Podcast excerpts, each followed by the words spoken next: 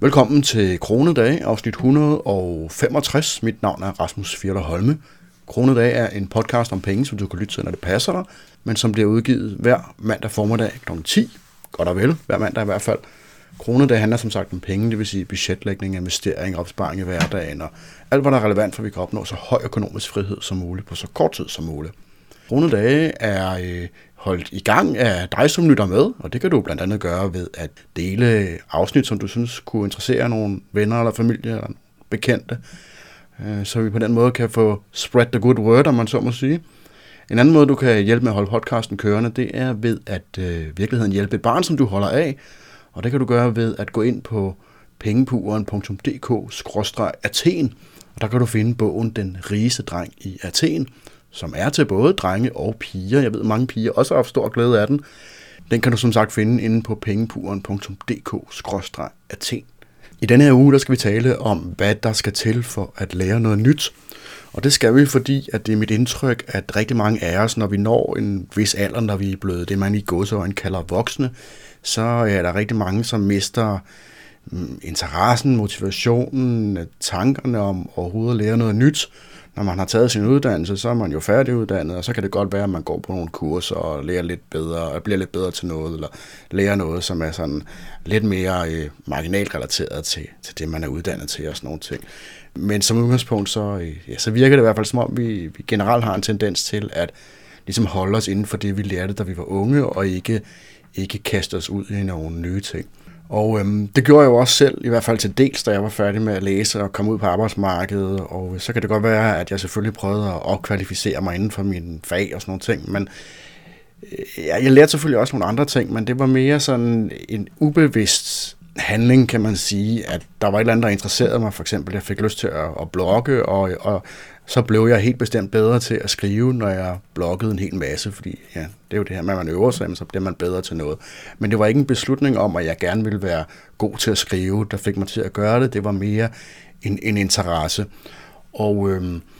mange har den interesse, der hedder, at når man kommer hjem fra arbejde, jamen, så gælder det bare om at, at slappe af og øh, ved ikke, se en film eller læse en, en fiktionsbog eller et eller andet den stil. Og så udvikler vi os jo ikke rigtig som mennesker, og vi får heller ikke rigtig den samme mulighed for ligesom at, hvad skal vi sige, undersøge, hvad det egentlig er, der interesserer os. Er det, er, vil vi egentlig gerne lave det, som vi er i gang med på et givet tidspunkt? Men øh, da jeg så for lige godt og vel tre år siden sagde mit arbejde op, så fik jeg tid til at fundere over, hvad det var, jeg havde lyst til egentlig at lave, og øh, prøve nogle forskellige ting af, og det var helt klart, at den her ekstra tid, den gav mig nogle muligheder for at lave nogle overvejelser, som jeg formentlig ikke ville have haft ellers, hvor at det hele tiden handlede om, at man skulle på arbejde, og, og så kom hjem, så galt det om at øh, få maden på bordet, og så på arbejde igen, og så videre, og. Og, øh, og det betød jo så også, at jeg begyndte at mere bevidst at lære en hel masse ting. Og, og sådan sige, nu vil jeg gerne lære noget nyt, og så brugte jeg den tid, der skulle til på at lære det. Men min pointe er ikke, at øh, det her med at lære noget nyt, det kræver, at man tager tid ud af kalenderen og siger sit arbejde op for ligesom at, at finde tiden til det. Det var mere, at øh, jeg rent faktisk blev mere bevidst om det her med at lære noget nyt, der er ligesom tiden opstået. Og derfor så tænkte jeg, at jeg har sådan en, øh, en tendens til at øh, kategorisere ting og sætte ting op i punktform. Og der har jeg lavet sådan en hurtig overvejelse omkring, hvad, hvad er egentlig det, der skal til for at, at lære noget nyt. Også lære nogle ting, som du måske overhovedet ikke har nogen forudsætninger for at sætte dig ind i. Noget, som du aldrig rigtig har haft den store erfaring med, eller kun meget perifært.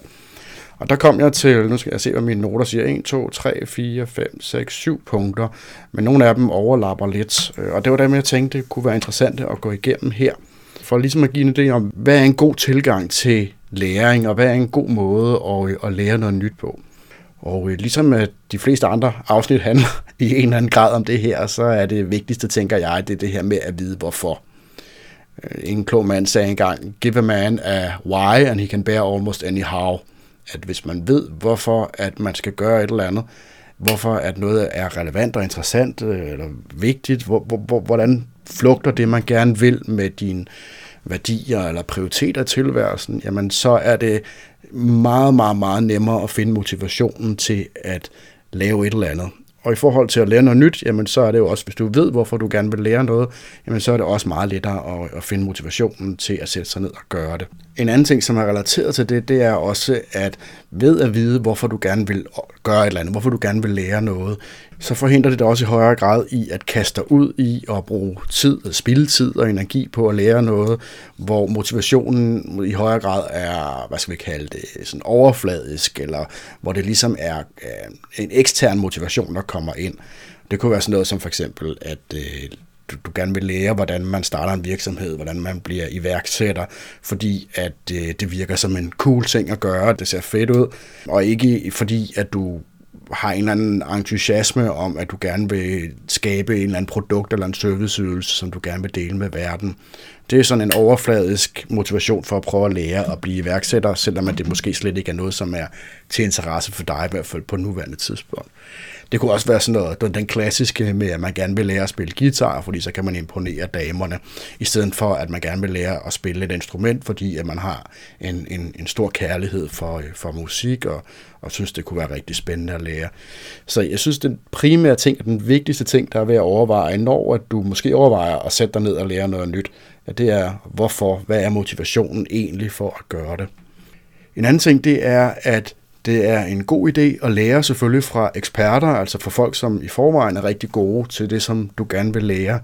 Men det er langt vigtigere, at dem, som du lærer fra, lærer fra, lærer af, er også er, er rigtig dygtige undervisere. Hvis du har en person, som er rigtig god til at øh, undervise, men som er sådan middelmåde, sådan okay god til det, du skal lære, så er det meget bedre at, at bruge dem end en eller anden, som er verdens bedste eller verdens mest vidende inden for et eller andet område, men som i, og samtidig er en rigtig, dø, eller, en rigtig dygtig, en rigtig dårlig øh, underviser. Og øh, i virkeligheden så er det jo gerne sådan, at du behøver jo ikke at få verdens eksperten inden for et eller andet område for at lære dig noget. Hvis du er helt på bar bund, i virkeligheden, så kan du måske ofte få mere ud af at finde en person, som er sådan rimelig god til noget, men, men langt fra sådan på verdensplan eller på landsplan for den sags skyld, men som har en, en som er nogle skridt foran dig, især hvis de er gode undervisere, men også bare fordi, at øh, nogen, der er sådan relativt nye inden for et eller andet, de kan huske, hvad det var, de selv lige har lært for nylig. Og en, en ekspert inden for et eller andet, en verdensmester inden for et eller andet, kan ofte have svære ved at sådan sætte sig ind i, hvad er sådan fundamentalerne, og hvad er det, der sådan i virkeligheden er, er noget, som en total amatør har behov for at lære i første omgang. Og der øh, tænker jeg, at en af de bedste måder at finde en, der er god til at undervise på, i forhold til at finde en, der er ekspert, altså en anerkendt ekspert inden for et eller andet, det er at prøve at, øh, at se, hvad findes der af kurser derude, uanset om det er et online-kursus, eller om det er et fysisk kursus, eller om det er en eller anden form for workshop, eller noget andet. Og så, øh, og så finde ud af, hvad har andre sagt, hvad har andre, der har taget det, sagt om det her er der en masse mennesker, som øh, har positive øh, anmeldelser på et eller andet online forum eller et eller andet andet sted. Og, øh, og så selvfølgelig samtidig være skeptisk over for dem, som der jo findes inden for næsten alle områder, er, har en økonomisk incitament til at øh, anbefale et eller andet øh, typisk sådan noget med affiliate marketing og sådan nogle ting. Og det betyder ikke nødvendigvis, at fordi nogen har et økonomisk incitament til at anbefale noget, at det ikke er, fordi de synes, det er fedt, men der er selvfølgelig god grund til at være lidt mere opmærksom på, øh, er der en økonomisk interesse i at, at få dig til at vælge et, øh, et bestemt kursus for eksempel. Men generelt set, så hvis man kan finde mange, der siger, at det her, det var rigtig godt, og det har helt klart gjort mig rigtig dygtig til, hvad det nu end er, jamen så kan du også være sådan rimelig sikker på, at du nok også vil have stor glæde af det. Og øh, det fører os lidt videre til noget relateret, og det er måske noget, som nogen vil være uenige i, og som i, høj grad, kan man sige, også er lidt øh, modsatrettet. Det er normalt prøver at, at undgå, og det er det her med at bruge penge. Hvis man gerne vil lære noget nyt, så kan det ofte være en rigtig god idé at betale sig fra det. Og det er jo ikke fordi, der ikke findes tonsvis af gode undervisere og YouTube-videoer og bøger, som er enten gratis eller meget billige eller alle mulige andre former for, for måder at lære ting på, uden at du skal betale for det. Men øh, problemet eller udfordringen ved at forsøge at lære fra gratis kilder, det er dels, at du skal ofte tråle dig igennem rigtig mange forskellige, ikke særlig gode gratis ressourcer. Du kan garanteret finde en YouTube-video, der kan lære dig næsten hvad som helst, men Der er ofte rigtig mange, som gerne vil lære dig det, og du kommer til at bruge ret lang tid, eller det kan du i hvert fald risikere at komme til at bruge rigtig lang tid på at sidde og se en masse videoer, måske endda give dig i, i lag med nogle af dem, hvor du sidder og prøver at følge med, og øh, finder måske sent ud af, at øh, det her, det var ikke lige det, jeg skulle bruge, men, øh, men det var jo gratis, og det var jo det, der var rekommenderet på YouTube. Modsat, hvis du finder nogen, der har en rigtig masse gode anmeldelser, øh, som du skal betale for, men som du så også ved, at der er rigtig mange mennesker, som har haft stor glæde af. Og, øh, og så er der den anden ting, at hvis du betaler for et eller andet, jamen så er vi bare ofte mere motiveret for at bruge den ressource, som vi betaler for. Hvis der er en online eller en serie online YouTube-videoer, så som sagt, det betyder ikke, at de ikke kan være rigtig gode. Jeg har lært rigtig meget YouTube for alle mulige forskellige områder, men generelt set, hvis der er et større emne, jeg gerne vil sætte mig ind i, og som jeg synes er, er, er vigtigt for mig, og det er ikke bare sådan en, en lidt hyggelæring at se en video omkring øh, Roms historie eller noget af den stil, men jeg faktisk gerne vil lære, for eksempel, øh, jeg lærte at programmere Python på relativt kort tid, fordi jeg fandt et betalt, øh, en betalt ressource, som, som ligesom kørte os igennem det hele. Dels der har afsenderen jo haft en, en økonomisk motivation for at producere et produkt, som andre mennesker gerne vil betale for, men også fordi jeg selv har betalt de der, hvad er det, 39 dollars om måneden, tror jeg det var, men så skal jeg jo også have noget for dem, og det, det, det giver lige et, et, et lille boost i, uh, i motivationen. Det er i hvert fald det, jeg har oplevet uh, selv, at når det drejer sig om at lære et større emne, og det er ikke bare hyggelæring, så synes jeg, jeg der er en psykologisk effekt af at betale for det, ud over sådan den, måske den økonomiske motivation for, øh, for dem, der producerer det. Og det kan jo også godt være, at det behøver ikke at være et online-kursus, det kunne også være at gå til et fysisk kursus et eller andet sted, eller tage på, øh, melde sig ind i en eller anden organisation, hvor de underviser, eller hvad, hvad, hvad det nu kan være, jamen så er der jo mange forskellige, en workshop eller noget andet.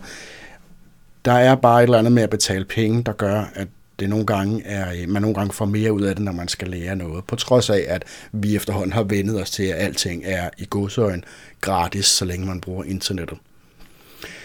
Når du så er begyndt at lære noget, så øh, efter min overbevisning, så er det, man får allermest ud af for rent faktisk at lære det, som, øh, som du har kastet dig ud i. Og det er at bruge det så meget som overhovedet muligt. Og det gælder jo selvfølgelig om at, øh, at øve sig, uanset hvad det er. Men efter min erfaring er det også at bruge det i praksis på den måde, som du har tænkt dig at bruge det, når du har lært det, når du er blevet god til det. Så hvis du for eksempel er ved at lære og øh, hvad ved jeg, øh, læse noder, jamen så prøv at, øh, at, at lave din egen sang og, øh, og skrive din egen sang med, med udgangspunkt i det, du har lært. Så kan det godt være, at øh, den ikke bliver særlig god, fordi du er helt ny til det, men du har kastet dig ud i at gøre det, som du gerne vil. Eller hvis du gerne vil lære japansk, jamen, så begynd at læse nogle enkle bøger på japansk og begynd at skrive noget på japansk. Også selvom at øh, du har et udgangspunkt, som er så amatøragtigt, at, øh, overhovedet, at det overhovedet ikke er godt, men det her med, at du begynder at bruge det allerede fra starten på den måde, som du egentlig gerne vil bruge det, når du bliver god til det. Øh, det er i hvert fald efter min erfaring øh, den bedste måde at øh, lære noget på, fordi det tvinger dig ud af øvehæfterne, der tvinger dig ud af bare sidde og, og kigge på en video eller følge med en underviser, og, og jeg tvinger dig til at, at bruge tingene i praksis, og, og det her med at bruge tingene i praksis, i stedet for bare at lave et øvehæfte, det betyder også, at du støder på nogle problemstillinger, som gør, at du er nødt til at grave et, et spadestik dybere og lave noget, noget research, eller finde, måske kan du finde en supplerende gratis YouTube-video, der kan forklare dig et eller andet. Og, øh, og på den måde, jamen, så bliver du ret hurtigt meget bedre til det, end hvis du bare følger sådan det øhm, curriculum, eller hvad hedder sådan noget på dansk, det øhm, pensum, som er lagt ud for dig, fordi selv den bedste underviser kan jo ikke lave et øh, program, som er tilpasset præcis til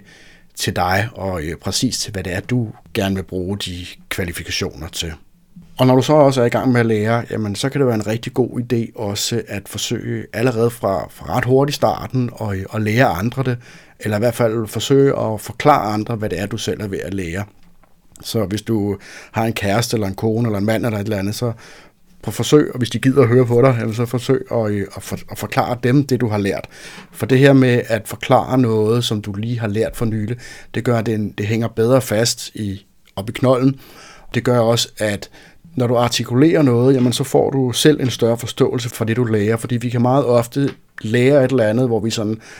vi hører en anden underviser fortælle os om det. Vi sidder, mm, det giver god mening, og så føler vi lidt, at det har vi da rimelig meget styr på. Men lige så snart, at vi, det skal ud af munden, og vi skal til at, gengive det til nogle andre, så kan det godt være, at vi finder ud af, at der faktisk var nogle aspekter, som vi ikke rigtig havde forstået helt præcis, og som vi måske skulle, skulle undersøge lidt nærmere. Og det her med at fortælle andre det, det kunne også være sådan noget med at øh, finde et, øh, et forum et eller andet sted, et online forum, eller et mødested, eller et eller andet stil, hvor at du kan hjælpe dem, som er